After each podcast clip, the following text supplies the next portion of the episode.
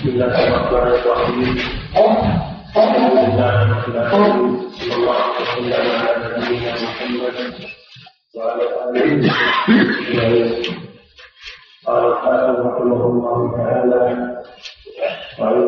بن شعبة رضي الله عنه النبي صلى الله عليه وسلم كان يقول الصلاة الكريمة لا إله إلا الله وحده لا إله إلا الله لا شريك له له الملك وله الحمد وهو على كل شيء قدير اللهم لا مانع لما اعطيت ولا معطي لما منعت ولا ينفع الجد منك متفق عليه.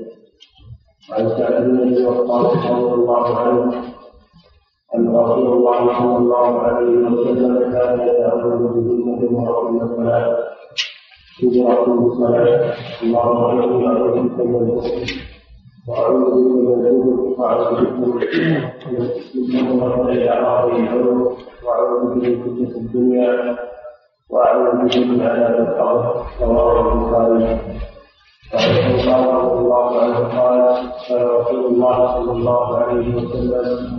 إذا انصرف من صلاته استغفر الله صلاة وقال اللهم أنت السلام ومنك السلام تبارك يا الجلال والإكرام رواه مسلم.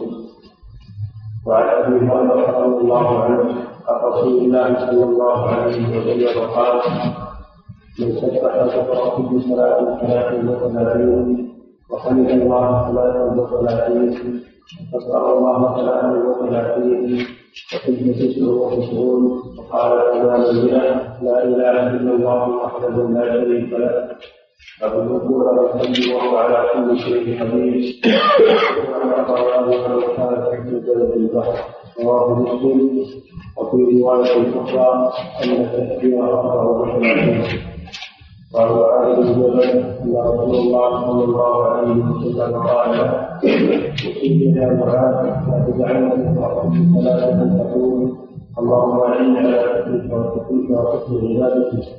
رواه أحمد وأبو داود والنسائي بسند قوي.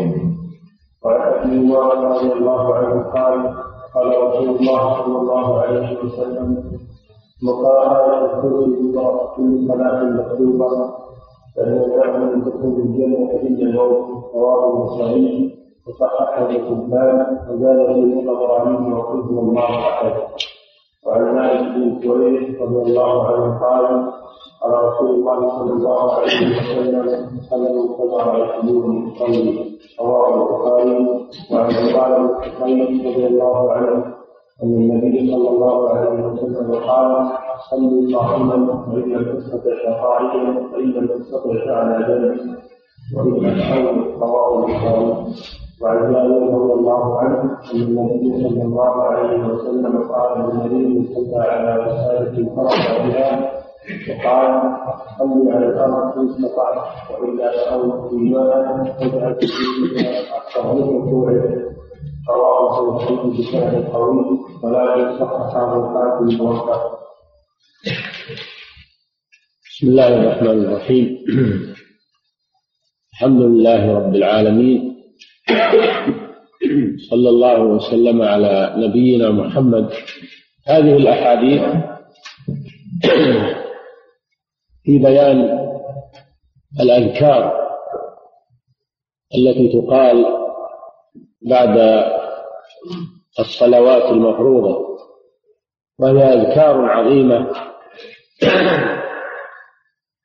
ينبغي المحافظة عليها لما فيها من الفضل العظيم ولما فيها من تعظيم الله سبحانه وتعالى ولما فيها من اعتراف العبد بالتقصير. العبد دائما بحاجة إلى ذكر الله وبحاجة إلى دعائه وأدبار الصلوات مظنة الإجابة. فإذا أتى بهذه الأذكار وهذه الأدعية بعد الفراغ من صلاته فإنها تكون مكملة لصلاته وتكون أيضا فرصة لرفع حوائجه إلى ربه في في وقت هو مظنة الإجابة. فينبغي التعرف على هذه الأذكار والمحافظة على الإتيان بها.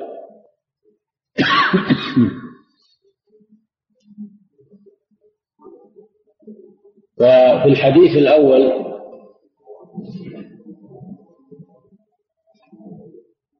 عن المغيرة بن شعبة أن النبي صلى الله عليه وسلم كان يقول دبر كل صلاة اللهم إني أعوذ بك من الجبن والبخل وفتنة الدنيا وعذاب القبر. نعم الحديث. النبي صلى الله عليه وسلم كان يقول في في صلاة المكتوبه لا إله إلا الله وحده لا شريك له نعم. كان يقول دبر كل صلاة لا إله إلا الله له لا شريك له له الملك وله الحمد وهو على كل شيء قدير اللهم لا مانع لما أعطيت ولا معطي لما منعت. ولا ينفع ذا الجد منك الجد. دبر كل صلاة مراد به بعد الصلاة. ودبر الشيء دبر الشيء مؤخره وقبل الشيء مقدمه فالدبر للمؤخر والقبل للمقدم.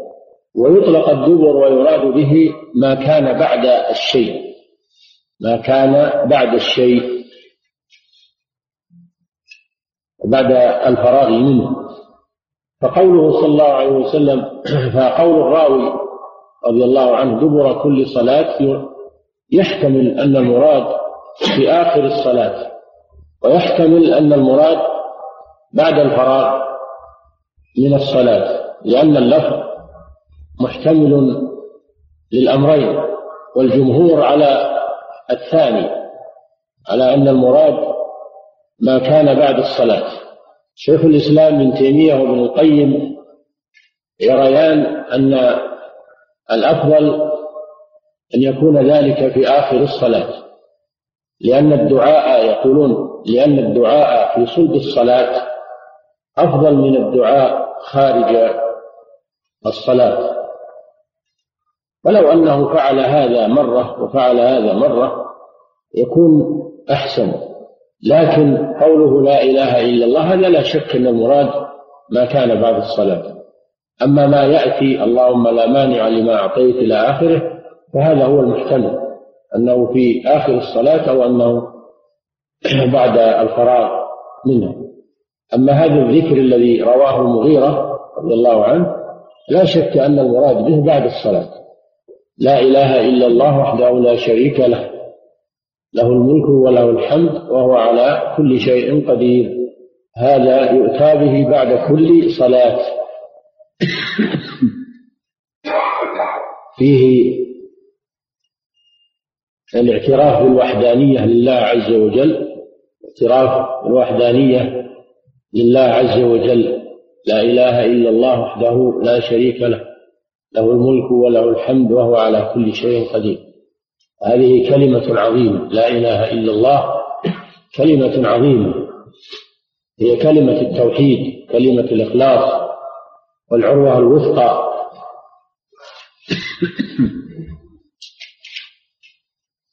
وتقدم بيانها أكثر من مرة بيان معناها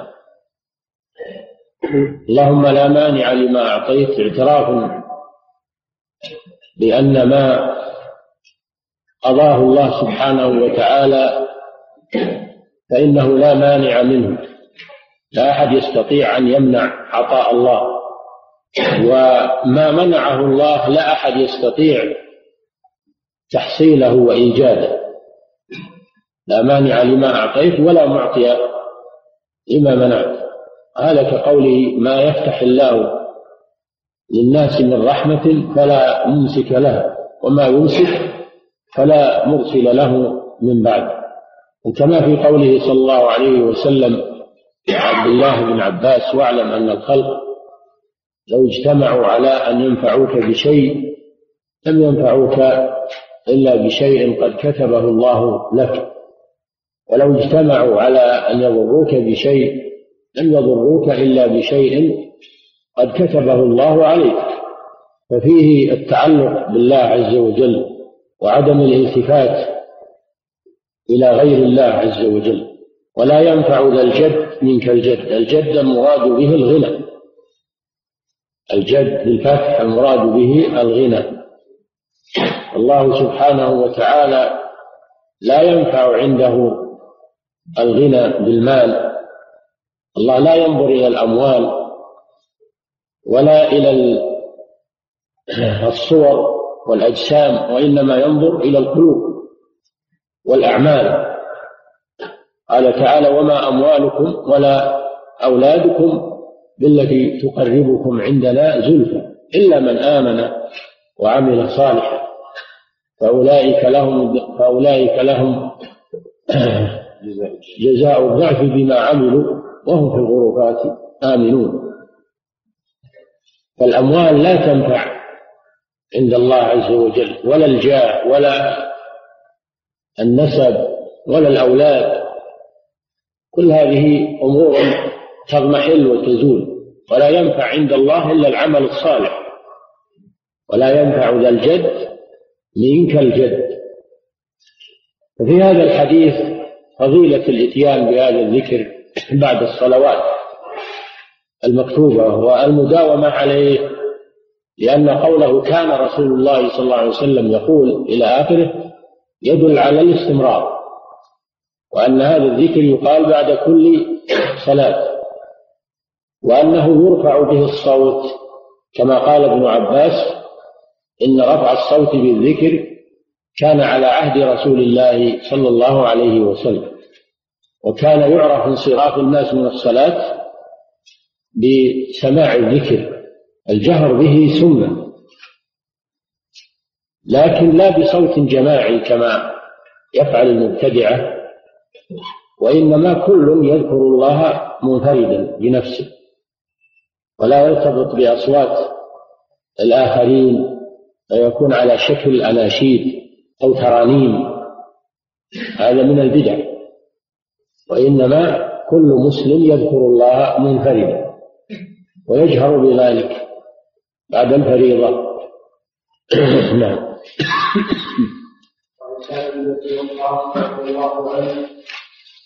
أن رسول الله صلى الله عليه وسلم كان يتعوذ بالله وعن الصلاة اللهم إني أعوذ بك من الكفر وأعوذ بك من الجبن وأعوذ بك من الأرض ومن إلى أرض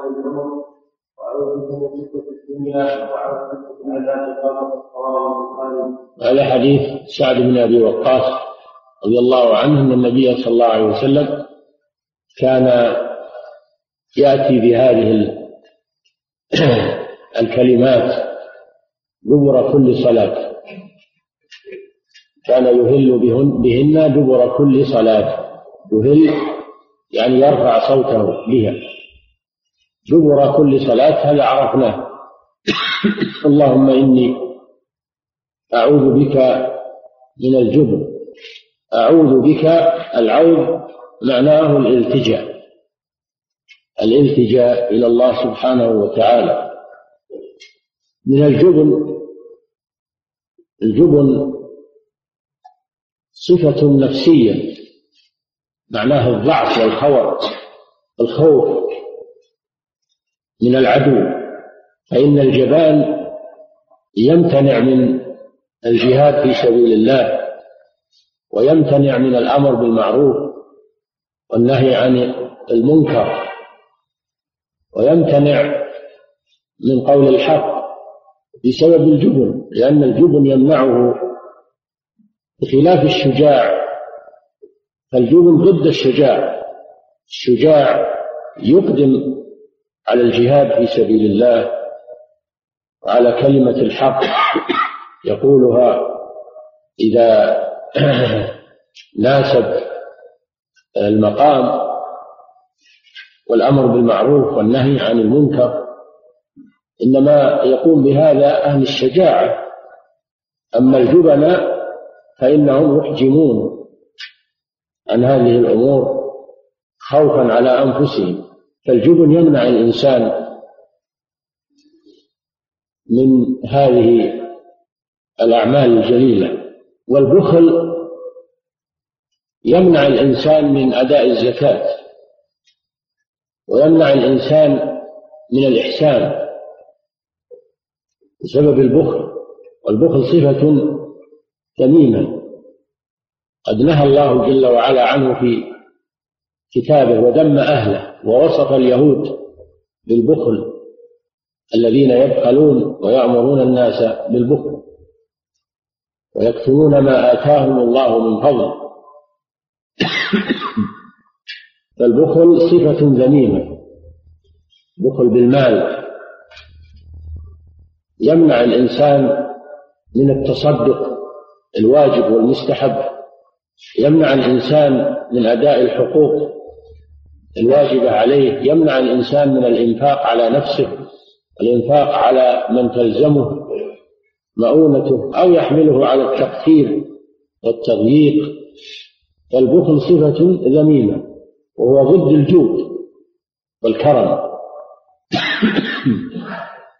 أعوذ بك من الجبن وأعوذ بك من البخل وأعوذ بك أن أرد إلى أرذل العمر. يعني إلى الهرم. الهرم الذي يعيد الإنسان إلى حالة الطفولة أو أقل. ويضعف عقله وتضعف مداركه ويضعف جسمه ويصبح أقل من الطفل. قال تعالى ومنكم من يرد إلى أرذل العمر لكي لا يعلم من بعد علم شيئا.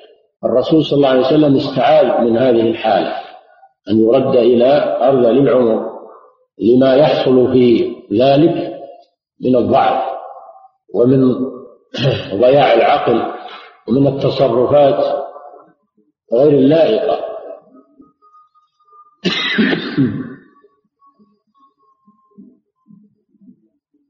وأعوذ بك من فتنة الدنيا فتنة هي الابتلاء والامتحان. وفتنة الدنيا الانشغال بملاذها وشهواتها ومطامعها عن طاعة الله عز وجل. بعض الناس أو كثير من الناس يفتن بطلب الدنيا عن طلب الآخرة وكل وقته يصرفه للجري وراء مطامع الدنيا. ربما يشغله ذلك عن أداء الفرائض. لا تلهكم أموالكم ولا أولادكم عن ذكر الله. يلهي يلهيه عن ذكر الله. الانشغال بالدنيا يلهي عن ذكر الله. والدنيا والآخرة ضرتان إذا ملت إلى إحداهما أغضبت الأخرى. ضرتان الدنيا خطرها شديد على الإنسان. إذا مال إليها وتعلق بها شغلته عن الآخرة وهي فتنة. سماها النبي صلى الله عليه وسلم فتنة فتنة الدنيا. وأعوذ بك من عذاب القبر. تقدم هذا أن الإنسان يعذب في قبره أو ينعم في قبره. وفي هذا إثبات عذاب القبر وهو معتقد أهل السنة والجماعة وعذاب القبر حق ثابت بالأدلة المتواترة في الكتاب والسنة لا ينكره إلا أهل الضلال من المعتزلة وغيرهم. وهو من أمور البرزخ التي لا يعلمها إلا الله سبحانه وتعالى. ومن حكمة الله أنه غيب عنا عذاب القبر. لأن الناس لو رأوا عذاب القبر لفزعوا ولما تدافنوا. ومن حكمته ورحمته أن غيب عنهم عذاب القبر. فهم لا يدركون هذا. ولو فتحوا القبر ما أحسوا أن صاحبه في نعيم أو أنه في عذاب لأن هذا من أمور الغيب. التي لا يعلمها إلا الله سبحانه وتعالى. فهو من أمور البرزخ ومن أمور الغيب التي لا يعلمها إلا الله سبحانه وتعالى لكنه حق وثابت وموجود. ففي هذا الحديث الاستعاذة بالله من هذه الأمور. من الجبن ومن البخل ومن فتنة الدنيا ومن عذاب القبر وكلها آفات كلها آفات خطرة. إذا وقي الإنسان منها فإنه يسلم في في دنياه وفي آخرته. ويفيد الحديث المداومة على الإتيان بهذه التعوذات دور كل صلاة لأن المسلم بحاجة إليها. نعم. وعن قال رضي الله عنه قال قال رسول الله صلى الله عليه وسلم إذا صار من صلاة استغفر الله قال اللهم انت السلام ومنك السلام تبارك يا الجلال والاكرام رواه مسلم. عن ثوبان وهو مولى رسول الله صلى الله عليه وسلم رضي الله عنه أن النبي صلى الله عليه وسلم كان إذا سلم من الصلاة استغفر الله ثلاثا وقال اللهم أنت السلام ومنك السلام. تباركت يا ذا الجلال والإكرام. هذا أيضا يضاف إلى الأذكار الواردة بعد الفراغ من الصلاة. وقد جاء أن أن الرسول صلى الله عليه وسلم يقول هذا الاستغفار بعد السلام مباشرة وهو متجه إلى القبلة قبل أن ينصرف. يقول وبعد ما يسلم مباشرة وهو متوجه إلى القبلة ثم ينصرف إلى أصحابه ويقبل عليهم بوجهه ويأتي ببقية الأذكار وهو متوجه إلى أصحابه. يستغفر الله ثلاثا استغفر الله استغفر الله استغفر الله اللهم أنت السلام منك السلام تباركت يا ذا الجلال والإكرام. هذا وهو متوجه إلى القبلة بعد بعد السلام مباشرة. والحكمة في الاستغفار في هذا الموطن استشعار النفس من الإنسان والتقصير في صلاته. فهو يستغفر الله مما مما يحصل في الصلاة من خلل ونقص ووساوس. لأن الإنسان مهما حاول فإنه عرضة للنقص. ولا يستطيع أن يكمل الصلاة كلها على الوجه المطلوب. لا بد من خلل ولا بد من نقص. لا بد من غفلة. فهو يستغفر ليرفع هذا الخلل هذا اعتراف بالنقص ودفع للإعجاب العبادة اللهم أنت السلام. هذا من أسماء الله سبحانه وتعالى من أسمائه السلام ومعناه السالم من الآفات والتغيرات. فهو سبحانه وتعالى سالم من كل نقص ومن كل عيب ومن كل آفة. وهو أيضا يسلم عباده هو المسلم لعباده من الآفات. فهو السلام ومنه السلام. هو سبحانه. السلام ومنه السلام. تباركت يا ذا الجلال والإكرام. تباركت هذه اللفظة ثناء على الله سبحانه وتعالى والبركة. ثبوت ثبوت الخير ودوامه. وهذه اللفظة لا تقال إلا في حقه سبحانه. لا يقال للمخلوق تبارك تبارك فلان وإنما هذا خاص بالله. تبارك الذي نزل الفرقان تبارك الذي بيده الملك تبارك الذي جعل في السماء بروجا فتبارك الله أحسن الخالقين. وهذه اللفظة لا تقال إلا في حق الله فلا يقال فلان تبارك أو فلان أو أو تبارك علينا يا فلان. هذا كلام لا يجوز في حق المخلوق.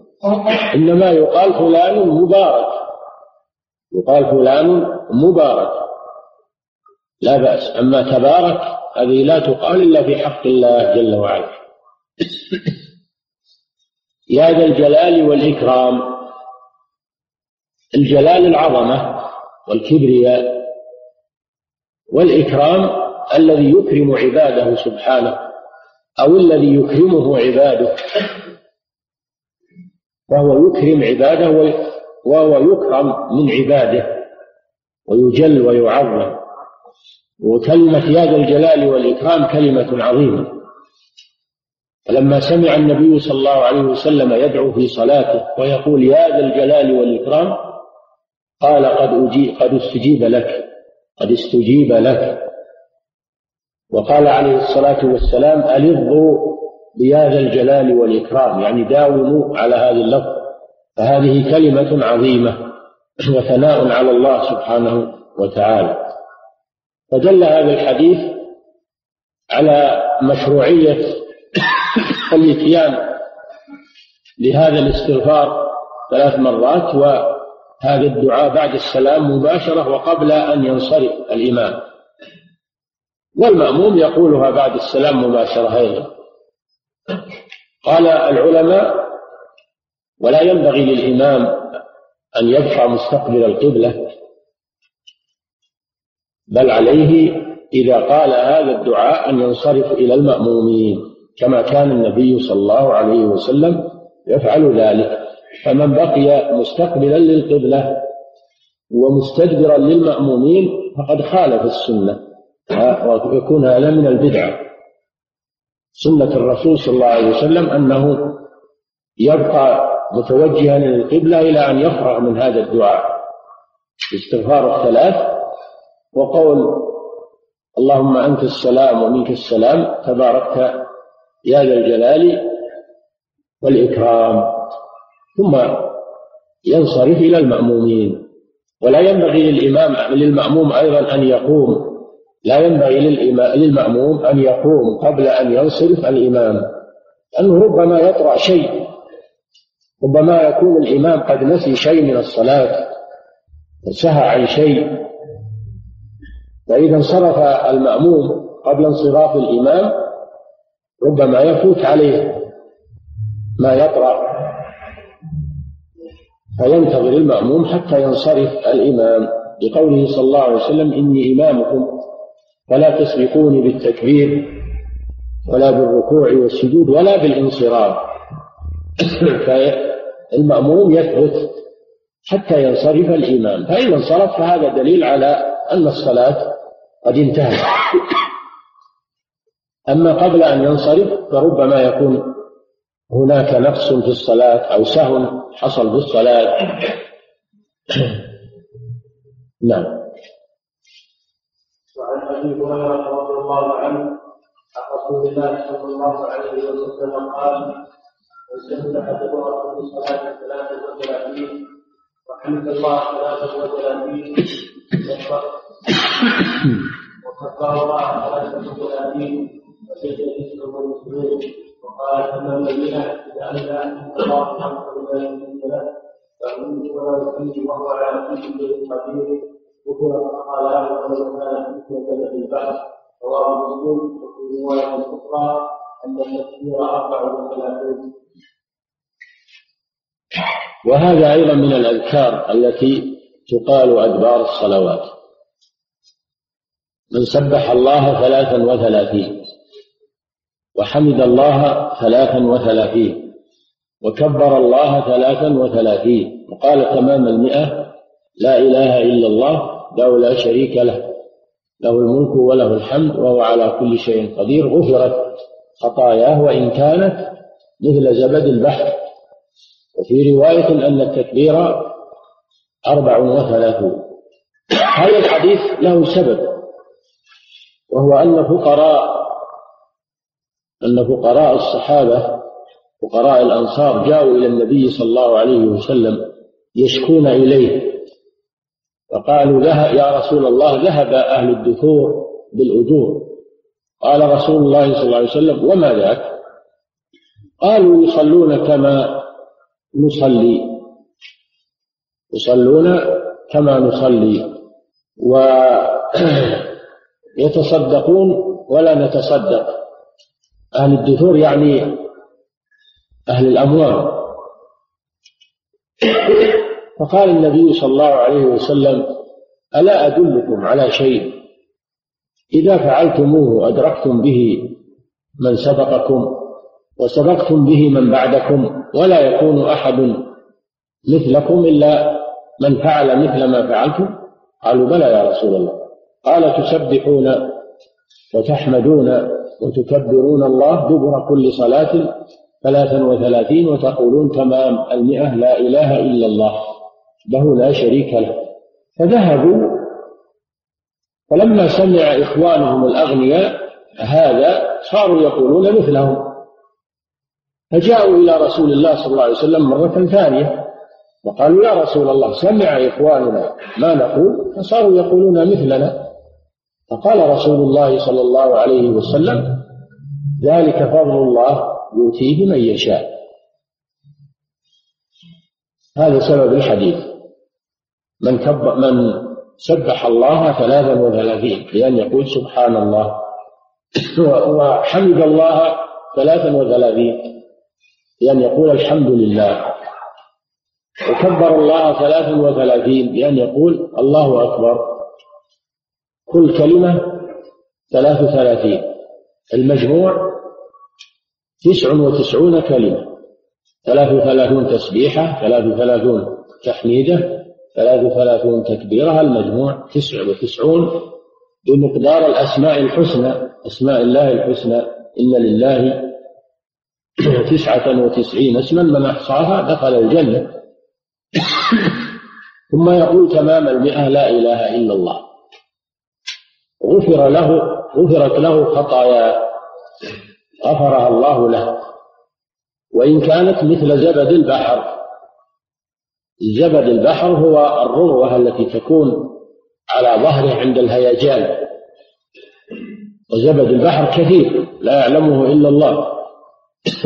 فإذا كانت لو قدر أن ذنوب العبد كثرت حتى صارت مثل زبد البحر فإن الله يغفرها بهذا الذكر.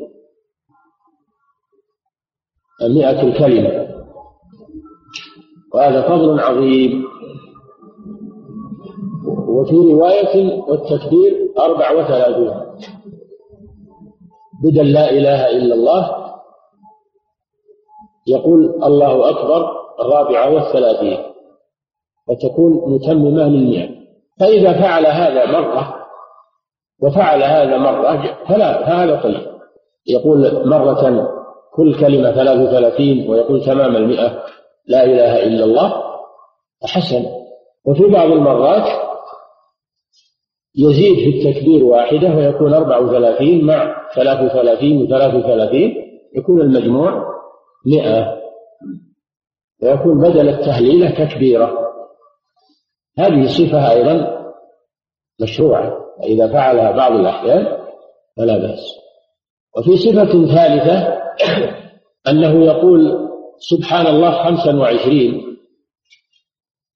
الحمد لله خمسا وعشرين والله أكبر خمسا وعشرين. ولا إله إلا الله خمسا وعشرين. هذه كم؟ هذه مئة. يعني أربع كلمات. سبحان الله والحمد لله والله أكبر ولا إله إلا الله كل واحدة. خمسا وعشرين. فيكون المجموع مئة. فإذا فعل هذا بعض الأحيان أيضا فحسن لأنه وارد. وفي بعض الروايات أن التكبير أن أن التسبيح عشر مرات والتحميد عشر مرات والتكبير عشر مرات ولا إله إلا الله عشر مرات فيكون المجموع أربعين كلمة. فإذا اقتصر على هذا بعض الأحيان أيضا فحسن لوروده ولكن الأكمل والأفضل هو الصفة الأولى. لا إله سبحان الله ثلاثا وثلاثين الحمد لله ثلاثا وثلاثين الله أكبر ثلاثا وثلاثين ويقول تمام المئة لا إله إلا الله له لا شريك له. آه هذا أكمل صفات هذا الذكر.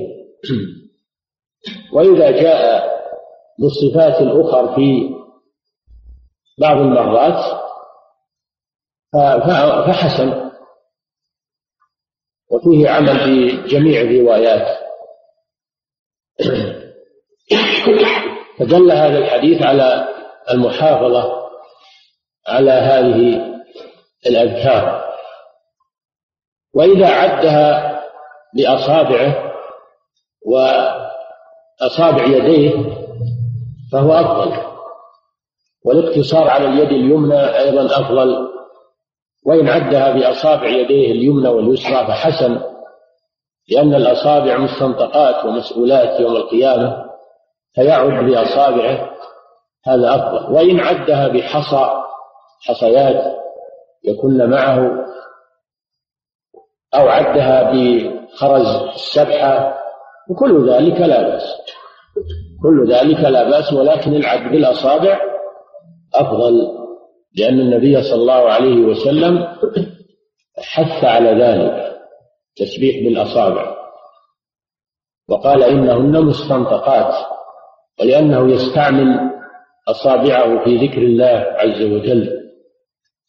ولو عد بغير ذلك من الحصى أو خرج السبحة فلا بأس بذلك أيضا. نعم. أبو علي بن جبل أن رسول الله صلى الله عليه وسلم قال له أوصيك يا معاذ أن تتعلم في كل صلاة تقول اللهم أعني على ذكرك وحسنك وحسن عبادتك اللهم اللهم أعني على ذكرك وحسنك وحسن عبادتك رواه أحمد وأبو داود والنسائي بسند قوي. هذا الحديث عن معاذ بن جبل رضي الله عنه. أن النبي صلى الله عليه وسلم قال أوصيك يا معاذ ألا تدع دبر كل صلاة. اللهم أعني على ذكرك وشكرك وحسن عبادتك. هذا أيضا من الأذكار التي تقال دبر الصلوات المكتوبة يضاف إلى الأذكار التي مرت. في الحديث أن النبي صلى الله عليه وسلم قال يا معاذ إني أحبك. فلا تدع أن تقول دبر كل صلاة اللهم أعني على ذكرك وشكرك وحسن عبادتك. وفي هذا فضيلة لمعاذ رضي الله عنه حيث إن النبي صلى الله عليه وسلم صرح له بأنه يحبه. هذه ميزة عظيمة لمعاذ رضي الله عنه. وفيه أن من أحب شخصا في الله من أحبه في الله فإنه ينبغي أن يخبره بذلك. فإن النبي صلى الله عليه وسلم أخبر معاذ بذلك. اللهم أعني على ذكرك فيه طلب العون من الله وفي هذا التبري من الحول والقوة. وأن الإنسان بحاجة إلى إعانة الله على ذكره وعبادته. أعني على ذكرك ذكرك بجميع الطاعات. الذكر يشمل كل الطاعات. القولية والفعلية. البدنية والقلبية. واللسانية. كل الطاعات ذكر لله عز وجل. الواجبات والمستحبات كلها ذكر لله عز وجل. أعني على ذكرك وشكرك على النعم لأن الإنسان لا يزال في نعم الله عز وجل الظاهرة والباطنة. والنعم بحاجة إلى الشكر. والإنسان لا يستطيع القيام بشكر الله إلا بإعانة الله سبحانه وتعالى. عني على ذكرك وشكرك وحسن عبادتك. الاتيان بالعبادة على الوجه الحسن الوجه المشروع. فإن العبادة لا تكون عبادة إلا إذا أتي بها على الوجه المشروع. المشتمل على الإخلاص لله عز وجل والمتابعة للرسول صلى الله عليه وسلم. وإلا فإن صورة العبادة من غير إخلاص أو من غير متابعة للرسول صلى الله عليه وسلم لا تكون عبادة. تكون عبادة باطلة. إذا دخلها الشرك والرياء صارت باطلة. إذا لم تكن على سنة الرسول صلى الله عليه وسلم صارت باطلة أيضا. قوله صلى الله عليه وسلم من عمل عملا ليس عليه أمرنا فهو رد.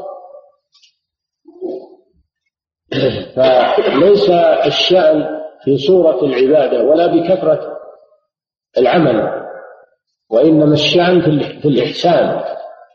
الشأن في إحسان العبادة. بلى من أسلم وجهه لله وهو محسن فله أجره عند ربه ولا خوف عليهم ولا هم يحزنون. الله جل وعلا يقول ليبلوكم أيكم أحسن عملا. لنبلوهم أيهم أحسن عملا.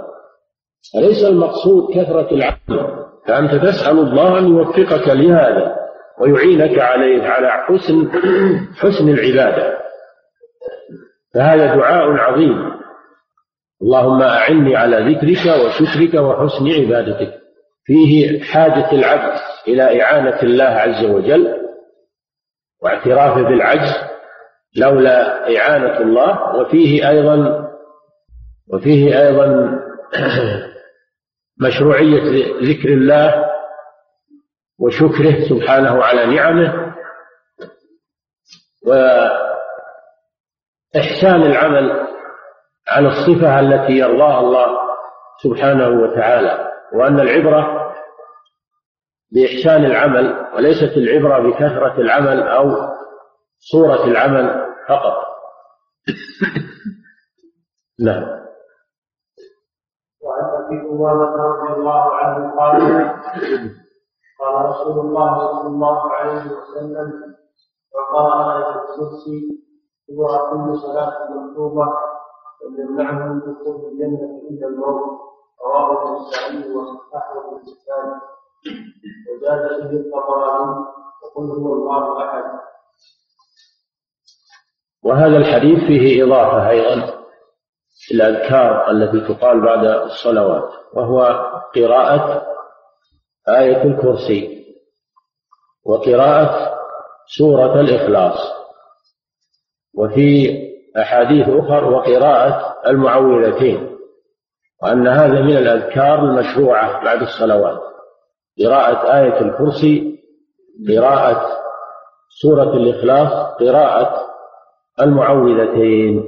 لما تشتمل عليه هذه الآية العظيمة آية الكرسي ولما تشتمل عليه سورة الإخلاص ولما تشتمل عليه المعوذتان من المعاني العظيمة. من قرأ آية الكرسي وهي قوله تعالى الله لا إله إلا هو الحي القيوم إلى قوله وهو العلي العظيم هذه آية الكرسي. وهي أعظم آية في كتاب الله عز وجل. وسورة الإخلاص تعدل ثلث القرآن.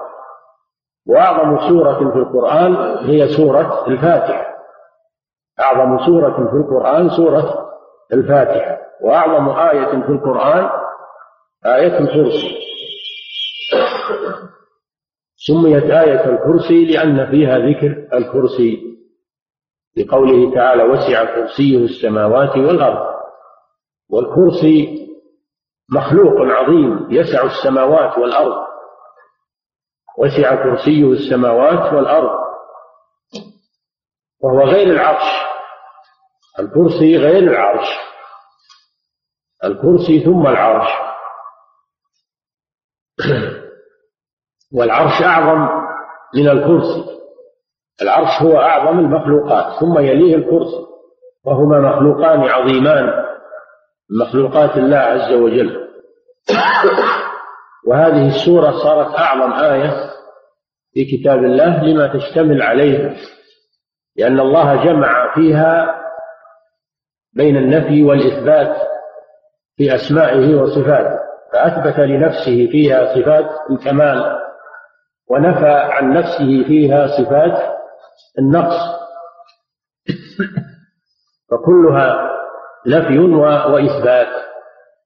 نفي للنقائص عن الله وإثبات للكمالات وهي خالصة لذلك خالصة لأسماء الله وصفاته. ومن قرأها في ليلة عند النوم فإنه لا يزال عليه من الله حافظ ولا يقربه شيطان حتى يصبح كما في حديث أبي هريرة. وإذا قرأها بعد دبر كل صلاة فإنه لا يمنعه من دخول الجنة إلا الموت. وفيه تقدير تقديره لا يمنعه من دخول الجنة إلا عدم الموت. لأن الجنة إنما تكون بعد الموت. لأن الجنة في الدار الآخرة. الجنة في الدار الآخرة. ولا يصار إليها إلا بعد الموت. أما الدنيا فليس فيها ليست فيها الجنة. ففي هذا الحديث فمشروعية قراءة آية الكرسي دبر كل صلاة. ومشروعية قراءة سورة الإخلاص لأنها تعدل ثلث القرآن لما تشتمل عليه من صفات الله عز وجل. ولما كان رجل في عهد النبي صلى الله عليه وسلم يقرأ بها في كل ركعة من صلاته واستغرب منه بعض الناس هذا وذكروه لرسول الله صلى الله عليه وسلم فقالوا لا فقال النبي صلى الله عليه وسلم اسألوه لما يفعل هذا؟ فلما سألوه قال إنها صفة الرحمن وأنا أحبها. فقال النبي صلى الله عليه وسلم إن حبها أدخلك الجنة إن حبها أدخلك الجنة فهي سورة عظيمة. أخبر النبي صلى الله عليه وسلم أنها تعدل ثلث القرآن. والحكمة في أنها تعدل ثلث القرآن. شيخ الإسلام ابن تيمية ألف كتابا يسمى تفسير سورة الإخلاص ويسمى جواب أهل العلم والإيمان بأن سورة الإخلاص تعدل ثلث القرآن. قالوا لأن القرآن ثلاثة أقسام قسم في التوحيد وقسم في الأخبار. قسم في الأخبار الماضية والمستقبلة. وقسم في الأحكام الشرعية الحلال والحرام و... هذه أقسام القرآن على سبيل الإجمال توحيد وقصص وهو الأخبار. وأحكام وهو بيان الحلال والحرام والواجب والمستحب والممنوع والمحرم. فسورة الإخلاص تخلصت للقسم الأول وهو التوحيد. تخلصت للقسم الأول وهو التوحيد. فلذلك صارت تعدل ثلث القرآن.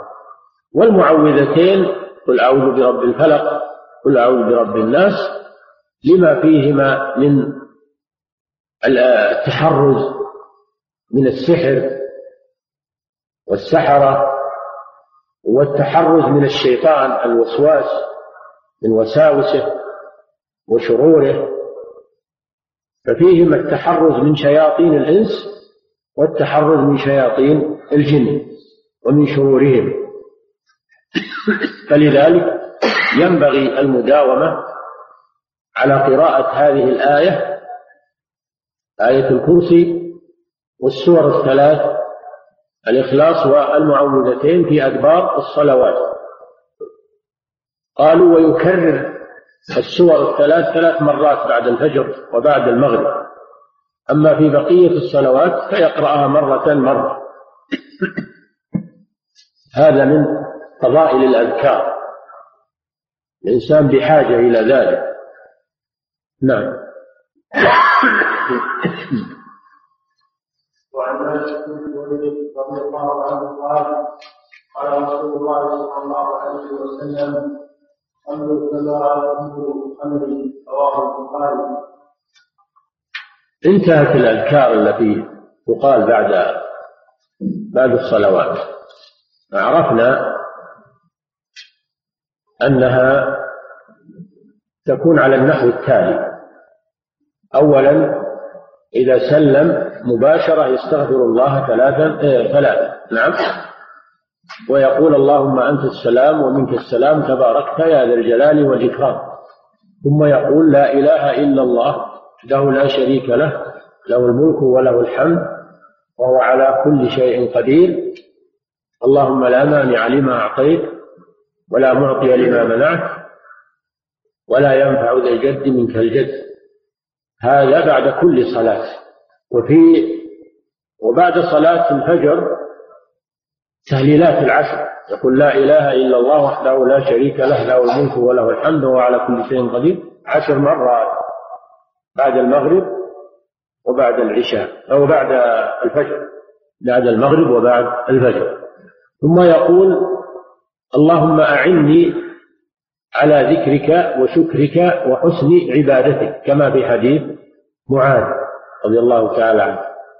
ثم يسبح الله ثلاثا وثلاثين ويكبر الله ثلاثا وثلاثين ويحمد الله ثلاثا وثلاثين ويقول تمام المئة لا إله إلا الله وحده لا شريك له له الملك وله الحمد وهو على كل شيء قدير.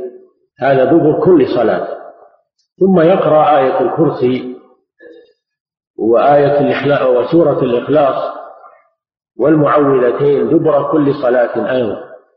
ويكرر السور الثلاث بعد الفجر وبعد بعد المغرب ثلاثا ثلاثا. هذه هي الأذكار التي تقال بعد أدبار الصلوات. ويستعيذ كذلك بالله من الأربع. اللهم إني أعوذ بك من الجبن ومن البخل وأعوذ بك من البخل وأعوذ بك من فتنة الدنيا وأعوذ بك من عذاب القبر أيضا. بعد كل صلاة. هذه هي الأذكار التي تقال بعد الصلوات. تختص الفجر والمغرب بالتهليلات العشر. وتختصان أيضا بتكرار الصور الثلاث ثلاث مرات. نعم. موجود في غير في غير البلوغ موجود في غير البلوغ. نعم. رضي الله عنه أن النبي صلى الله عليه وسلم قال أرض الله فإن المسجد قاعدا فإن المسجد على جنب وإن كان قوله رواه البخاري حديث مالك بن حوي وعن مالك بن حويرث رضي الله عنه قال قال رسول الله صلى الله عليه وسلم خمس كما يقول الثاني مالك بن حويرث رضي الله عنه قدم مع جماعة من قومه على رسول الله صلى الله عليه وسلم وجلسوا في المدينة يتفقهون. فلما رأى النبي صلى الله عليه وسلم أنهم بحاجة إلى الرجوع إلى أهلهم وهم شباب بحاجة إلى الرجوع إلى أهلهم أذن لهم. وأوصاهم بوصايا من جملتها أنه قال إذا حضرت الصلاة فليؤذن لكم أحدكم وليؤمكم أقرأكم أو أكبركم وصلوا كما رأيتموني أصلي. هذا فيه مشروعية الاقتداء بالرسول صلى الله عليه وسلم في صلاته في الأقوال والأفعال. ما كان واجبا فعلى سبيل الوجوب وما كان مستحبا فعلى سبيل الاستحباب. فدل على دل هذا الحديث على مشروعية الاقتداء بصلاة الرسول صلى الله عليه وسلم. كما رأيتموني أصلي من رآه صلى الله عليه وسلم بعينه فإنه يصلي كما رآه ومن لم يره بعينه فإنه يصلي كما ثبت في الأحاديث. الأحاديث الواردة عنه صلى الله عليه وسلم بصفة صلاته. فإن الأحاديث الصحيحة تعطيك صورة الصلاة التي كان يصليها كأنك تشاهده صلى الله عليه وسلم. فدل هذا الحديث على مشروعية الاقتداء بالرسول صلى الله عليه وسلم في صفة الصلاة. ما كان منها من الواجب فهو واجب وما كان من المستحب فهو مستحب على التفاصيل السابقة في الأحاديث. فدل على أن القدوة هو الرسول صلى الله عليه وسلم وأن من أتى في الصلاة من أتى في الصلاة بقول أو فعل لم يثبت عن النبي صلى الله عليه وسلم فإنه يجب إلغاؤه ومنعه. يجب إلغاؤه ومنعه وأنه لا يحدث في الصلاة أي شيء. ولو كان نية صاحبه حسنة ويريد الثواب لكن القدوة هو رسول الله صلى الله عليه وسلم. فنحن نرجع إلى الأحاديث الصحيحة في صفة صلاة النبي صلى الله عليه وسلم فنعمل بها. وما لم يرد فإننا نتجنبه ونحذر منه. غاية التحذير. قوله صلى الله عليه وسلم من عمل عملا ليس عليه أمرنا فهو رد. وفي حديث عمران بن حصين رضي الله عنه قال صل قائما فإن لم تستطع فقاعدا فإن لم تستطع فعلى جنب. بعد حديث مالك بن الحويرث هذا من فقه المؤلف رحمه الله. أن الإنسان يقتدي بالرسول صلى الله عليه وسلم بحسب استطاعته فالذي لا يستطيعه لا يطالب به فالمريض يصلي على حسب استطاعته والخايف لصلاة الخوف يصلي على حسب استطاعته فقوله صلى الله عليه وسلم صلوا كما رأيتموني أصلي إنما هو على وجود الاستطاعة ومن لم يستطع فإنه يأتي بما يستطيع ولا يؤاخذ بالشيء الذي لا يستطيع. قال صلى الله عليه وسلم إذا أمرتكم بأمر فأتوا منه ما استطعتم. قال تعالى فاتقوا الله ما استطعتم. فقوله صلى الله عليه وسلم صل قائما. الرسول صلى الله عليه وسلم زار عمران بن حصين من مرض أصابه بسبب البواسير. فقال له النبي صلى الله عليه وسلم صل قائما. دل على أن القيام ركن في الفريضة. قوله تعالى وقوموا لله قانتين فإن لم تستطع القيام فصل قاعدا دل على أن من من عجز عن القيام فإنه يصلي قاعدا. ومن عجز عن القعود فإنه يصلي على جنب. على جنبه الأيمن مستقبلا القبلة أو على جنبه الأيسر مستقبلا القبلة ولكن الأفضل على جنبه الأيمن إذا تيسر. فإن لم يستطع فمستلقيا ورجلاه إلى القبلة لأنه جاء في بعض روايات الحديث فإن لم تستطع فمستلقيا هذه صلاة المريض ومثله الذي لا يستطيع القيام في سفينة أو في طائرة أو في سيارة يصاب ب يصاب بالاضطراب لو قام أو بالدواء ويخشى عليه السقوط أو السقط قريب منه. لا يستطيع الخروج ولا يستطيع القيام. يصلي قاعدا وإن كان معافى في جسمه لكنه لا يستطيع لوجود مانع من القيام. فدل على أن الذي لا يستطيع القيام يصلي على حسب استطاعته قاعدا أو على جنب. وأنه يومئ بالركوع والسجود ويجعل السجود أخفض من الركوع. يومئ برأسه يومئ برأسه في الركوع والسجود ويجعل السجود أخفض من الركوع.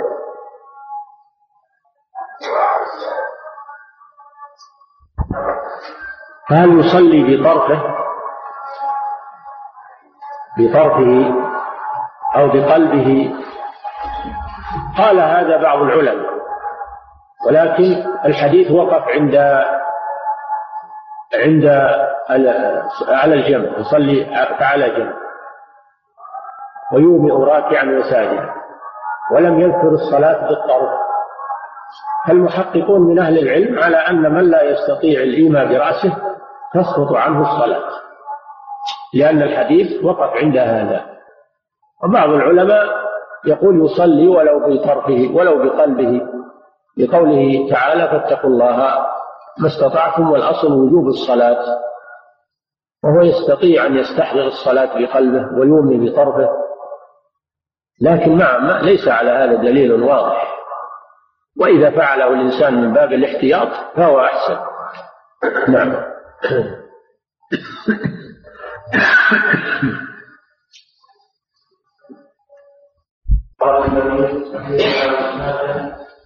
قال النبي صلى عليه وسلم رجل منه وقال صلي على الأرض استطعت واذا تعود بإسلام وجعل الجود إلى اخر الركوع. رواه مسلم في كتاب القوي ولا يصححه ما وهذا الحديث فيه أن النبي صلى الله عليه وسلم رأى مريضا يصلي يسجد على وسادة فأخذها النبي صلى الله عليه وسلم ورمى بها. وقال صل قائما فإن لم نعم. صل على الأرض إن استطعت وإلا فأوم إيماء واجعل ركوعك أخفض واجعل سجودك أخفض من ركوعك. هذا فيه أنه لا يشرع أن الإنسان المريض يجعل شيئا مرتفعا يسجد عليه بل إن استطاع أن يسجد على الأرض وجب عليه ذلك. وإن لم يستطع فإنه يكتفي بالإيماء. وأما جعل شيء مرتفع يسجد عليه فهذا من التكلف الذي لم يشرعه الله سبحانه وتعالى. يجعل سجاده يجعل صندوق يجعل مركب من ما يسمع اليوم يسجد عليه يقول هذا متصل بالأرض. هذا من التكلف الذي لم يشرعه الله. والدين أيسر من هذا ولله الحمد. إن استطاع مباشرة السجود على الأرض هذا هو الأصل. وإن لم يستطع فإنه يكتفي بالإيمان يومئ برأسه. يومئ برأسه ويجعل سجوده أخفض من ركوعه يعني يطمن رأسه في السجود أكثر من تطمينه في الركوع من أجل التمييز بينهما. ويكفي هذا والإيمان بالرأس لا كما يفهم بعض العوام أنه يومي بيده أو بإصبعه بعض العوام يقول يصلي بإصبعه هذا غلط. ما الإصبع ما هو محله إنما الإيمان بالرأس. الإيماء بالرأس راكعا وساجدا. والله تعالى أعلم وصلى الله وسلم على نبينا محمد. نعم. فضيلة الشيخ ترى كثيرا من المصلين بعد صلاة الفجر وبعد صلاة المغرب يقولون رحمه الله لا إله إلا الله وحده لا شريك له.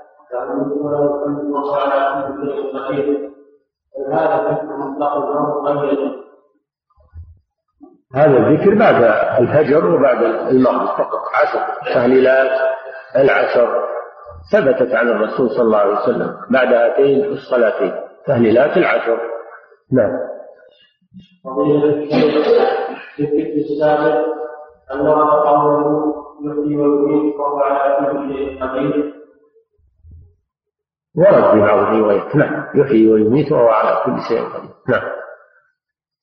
فضيلة الشيخ ما رأيتم سر القائل بأن من ترك من واجبات الصلاة عليه الإثم عليه؟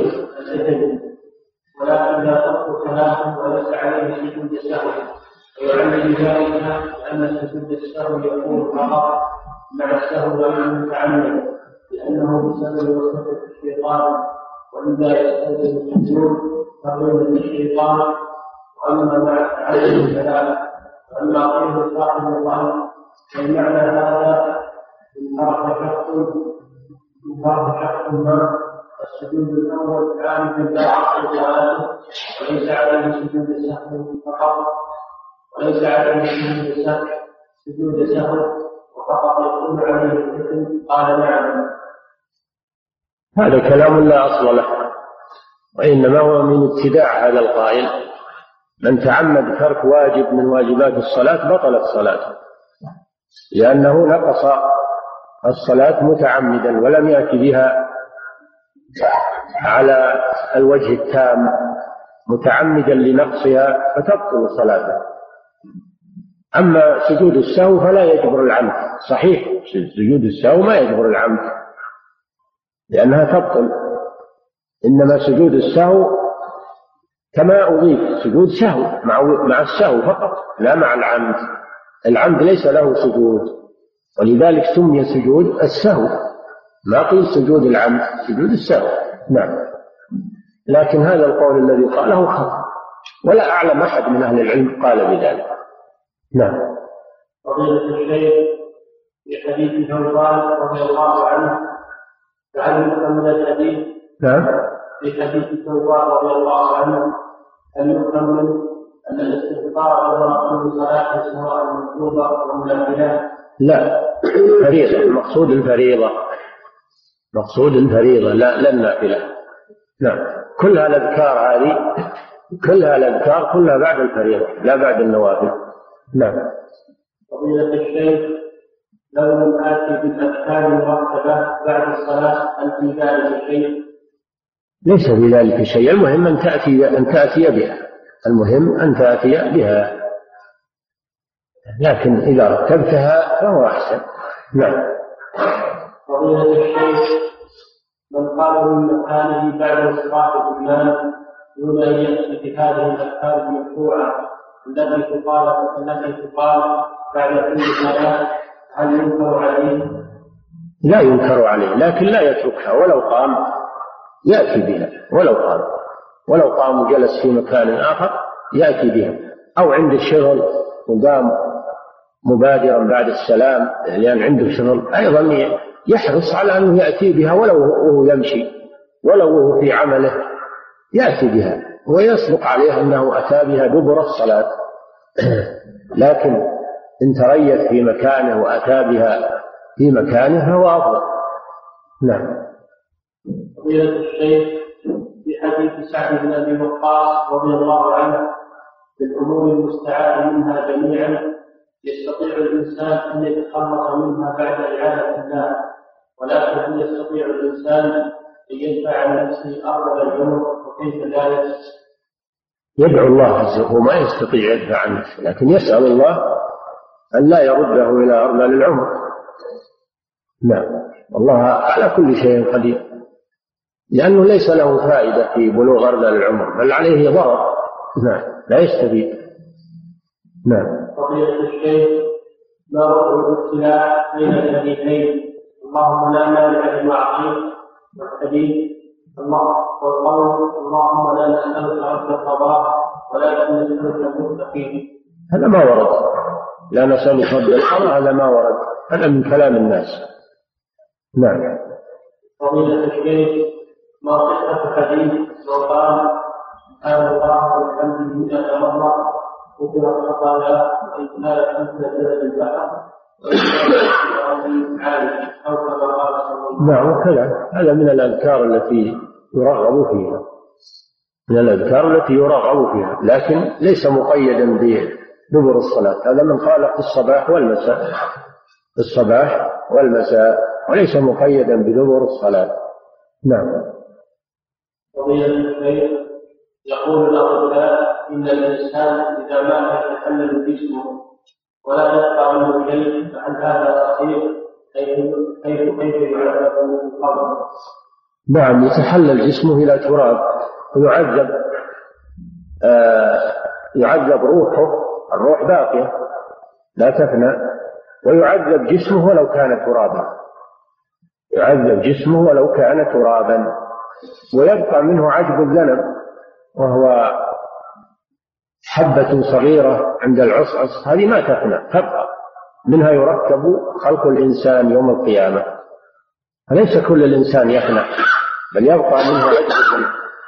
ولا وليس هو يفنى بمعنى أنه يعدم. بل يفنى بمعنى أنه يتحلل إلى تراب فهذا التراب يعاد يوم القيامة منه جسمه. كما قال تعالى بل عجبوا آه، وقال هذا هذا شيء عجيب أئذا مثل وكنا ترابا.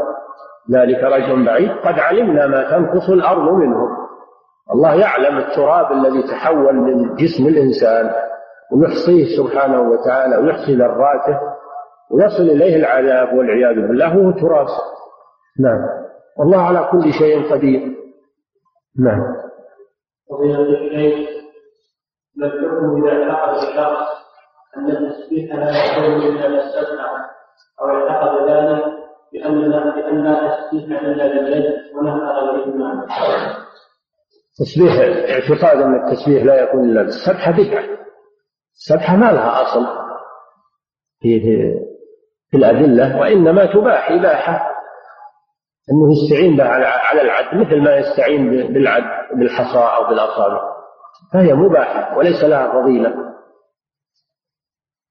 والتسبيح بالأصابع أفضل من التسبيح بغيرها لحث النبي صلى الله عليه وسلم على ذلك. نعم. الشيخ من لم يستطع القيام ويستطيع السجود على كرسي ونحوه فهل يجوز له على الأرض مع لديه؟ إذا ما يستطيع القيام فإنه يصلي قاعدا سواء على كرسي أو على الأرض. اللي على كرسي هذا قاعد. مثل القاعد على الأرض. يتبع الأسهل عليه. إن كان الأسهل عليه أنه يقعد على الأرض يقعد على الأرض. إن كان الأسهل أنه يقعد على